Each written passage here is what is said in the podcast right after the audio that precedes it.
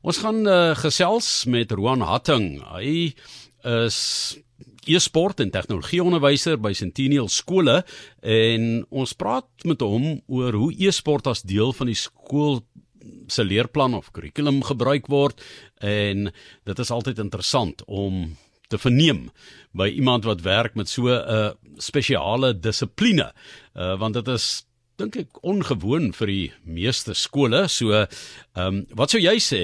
Ehm um, hoe verskil dit van tradisionele sport? Die spel, die geld, die kommentators, alles.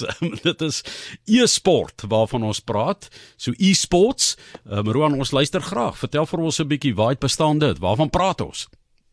Lekker mee te wees.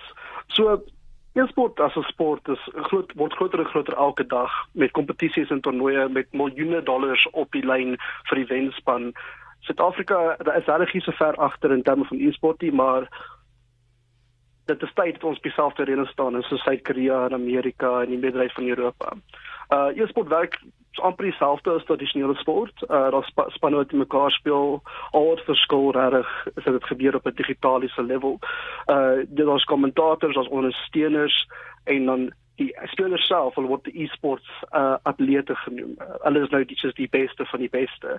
Mense dink partykeer dat uh videospeletjies is maklik en enigiemand kan dit doen, maar op 'n professionele level, die verskil tussen die normale speler en die professionele speler is dieselfde as 'n seun wat billetjie rappie speel en 'n man wat 'n springbok trui aantrek hierdie e-sportatlette kan dinge doen in 'n videospeletjie wat meeste mense gat nie kan doen nie.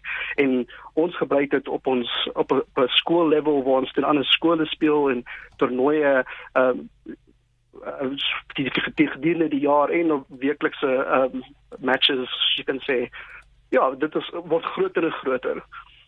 Jy weet eh, as 'n mens die beeld het van iemand wat by die huis sit en TV speletjies speel, is dit baie keer kinders wat nie meer fisieke oefeninge kry nie, hulle wil nie fisies buite wees nie.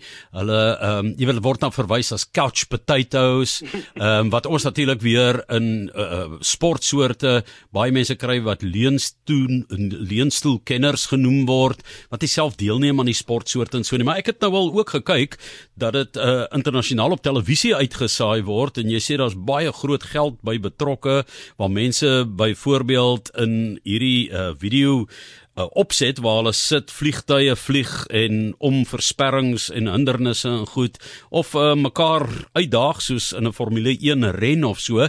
Maar um, dan is dit nog op tyd van hulle goedgeboude outjies daar want jy moet 'n ander vorm van stamina daarvoor hê, né? Absoluut, absoluut. Ek ek moet sê die die ehm um, hoe kan ek sê veral by ons skool ek moet sê uh, ons het ons het 'n bietjie van 'n tradisie by die skool van as jy in e-sports gaan gaan deelneem moet jy ook 'n uh, fisiese ehm um, uh extracurricular event wat jy ook doen. So as jy nou gaan CrossFit doen of boxing, is dit jy moet iets fisies kan doen om e-sports te kan speel. So ons maak seker dat ons nie hierdie couch potatoes het nie, ongelukkig. Ja. Ehm um, maar maar nee, dit e-sports volgens bietjie deel van ons kurrikulum ook, want so basies nou gedurende die week Die kinders kom af na die e-sports arena seker se tweede tweede drie twee tot drie lesse. Hulle kom net af net vir speletjies nie, hulle kom af vir spesifieke lesse. Dis lesse waar ek as 'n e-sport onderwyser ek gebruik video speletjies so die studente sekere vaardighede kan optel ehm um, soos kommunikasievaardighede, uh, probleemoplossing en soos hoe om krities te dink oor hulle self en hulle burgerskap in die digitale wêreld, al hierdie tipe dinge. Dit is ehm um, lesse wat nie reg geteach word of geleer word deur die kinders gedurende gedurende die normale tradisionele skole wat nog steeds in die wat nog steeds terug in die industriële revolusie se tipe lyntjies sit nie maar hoe kan ek sê die skole die skool self maak seker dat die kinders uh tuis kry van wat kan wees. Kan kan hulle dalk 'n e-sports atleet wees? Kan hulle hierdie goed gebruik om hulle brein te develop en ons aan aan so aan te gaan?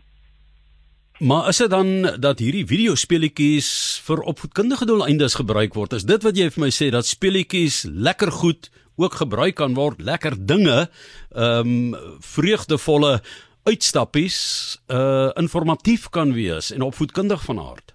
Absoluut, absoluut. Hoe kan ek sê, ehm um, kinders altyd konsepte beter verstaan as hulle daai konsepte kan leer in 'n spasie waar hulle gemaklik voel om 'n spasie te verstaan. En om eerlik te wees, ehm um, videospeletjies is eintlik hulle tweede jaar in die tweede natuur op die oomblik en die, die verdagse kinders hulle ken videospeletjies en die ding is vir vir vir uh uh educational doeleindes.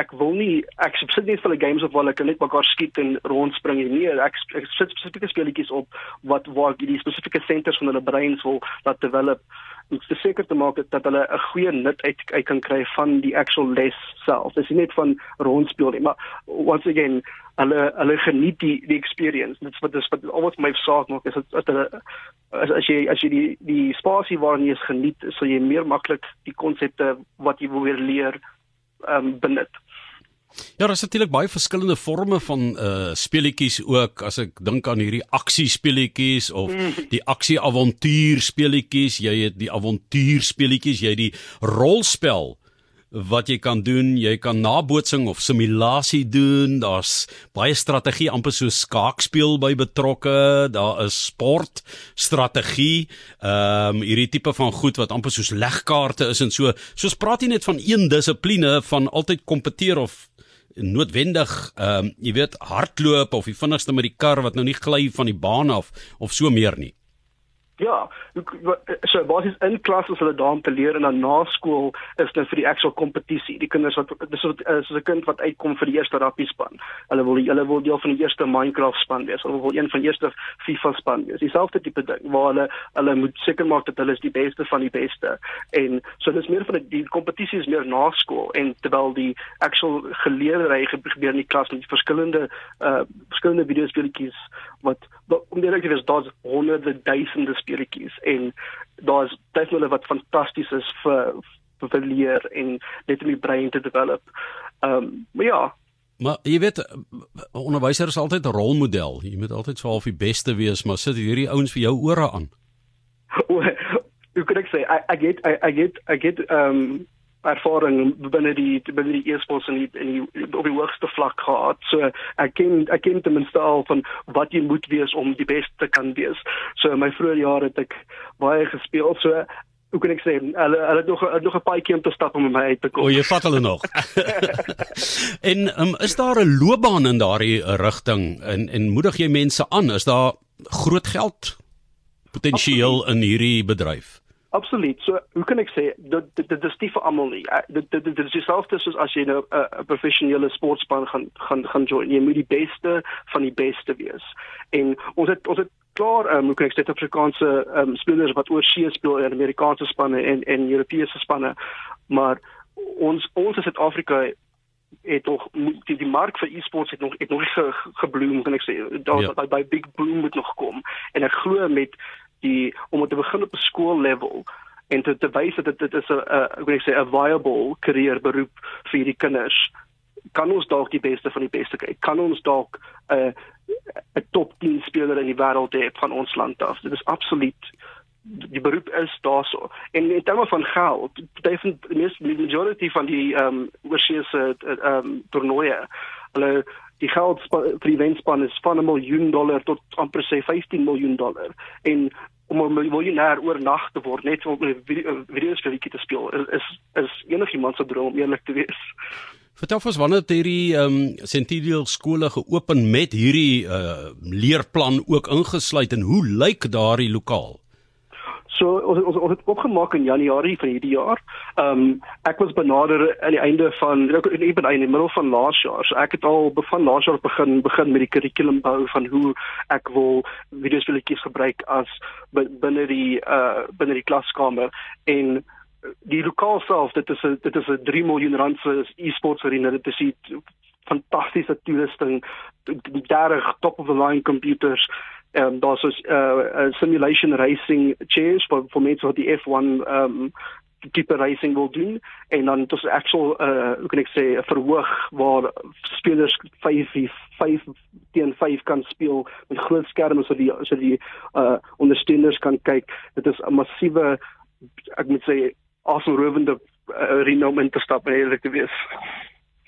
En die uh die die die die area van rekreasie. Goed, daar's die daar's die arena waarin die spelers nou self is en so, maar jy moedig ook toeskouers aan om te kom kyk en dan moet jy dan kan waarneem, maar moet skerms wees, jy moet kan sien wat gaan aan hè.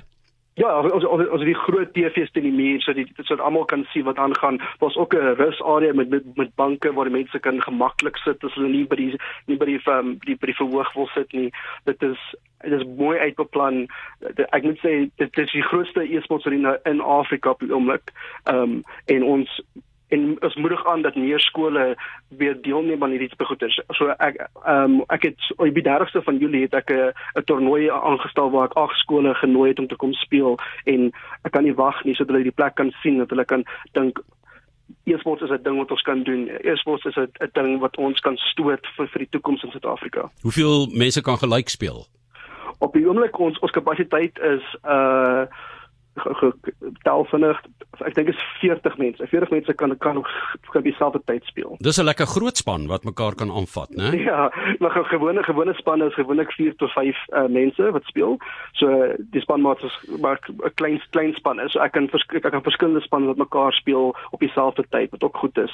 Selfs as jy as jy na skool toe gaan, daar's verskillende uh, rugby games aangaan. So jy sien die onder 14 speel, onder 15 speel daar, die eerste span speel daar, dieselfde tipe ding. Dit is maar spasie vir almal. Ja, en soos in enige mededingende sportsoort word daai elke jaar gekarring. Ons sien nou nie Formule 1 byvoorbeeld hoe daar vinne verstel word en dan is dit te laag, dis te hoog, dis te swaar, dis ehm um, so hoë tegnologie en julle het weer spoed nodig, né? Dit help nie jy is 'n wonderlike uh, e sportdeelnemer, maar die tegnologie laat jou in die steek nie. Nee, ek moet sê die tegnologie wat ons het, die die die die investment wat in die aan die area aangegaan het, is buite my droom. Ek hoe kan ek sê dit is ek het nie verwag dat dit gaan so fantasties wees. Die die die die die rekenaar self daar binne is dit is my eie rekenaar by die huis.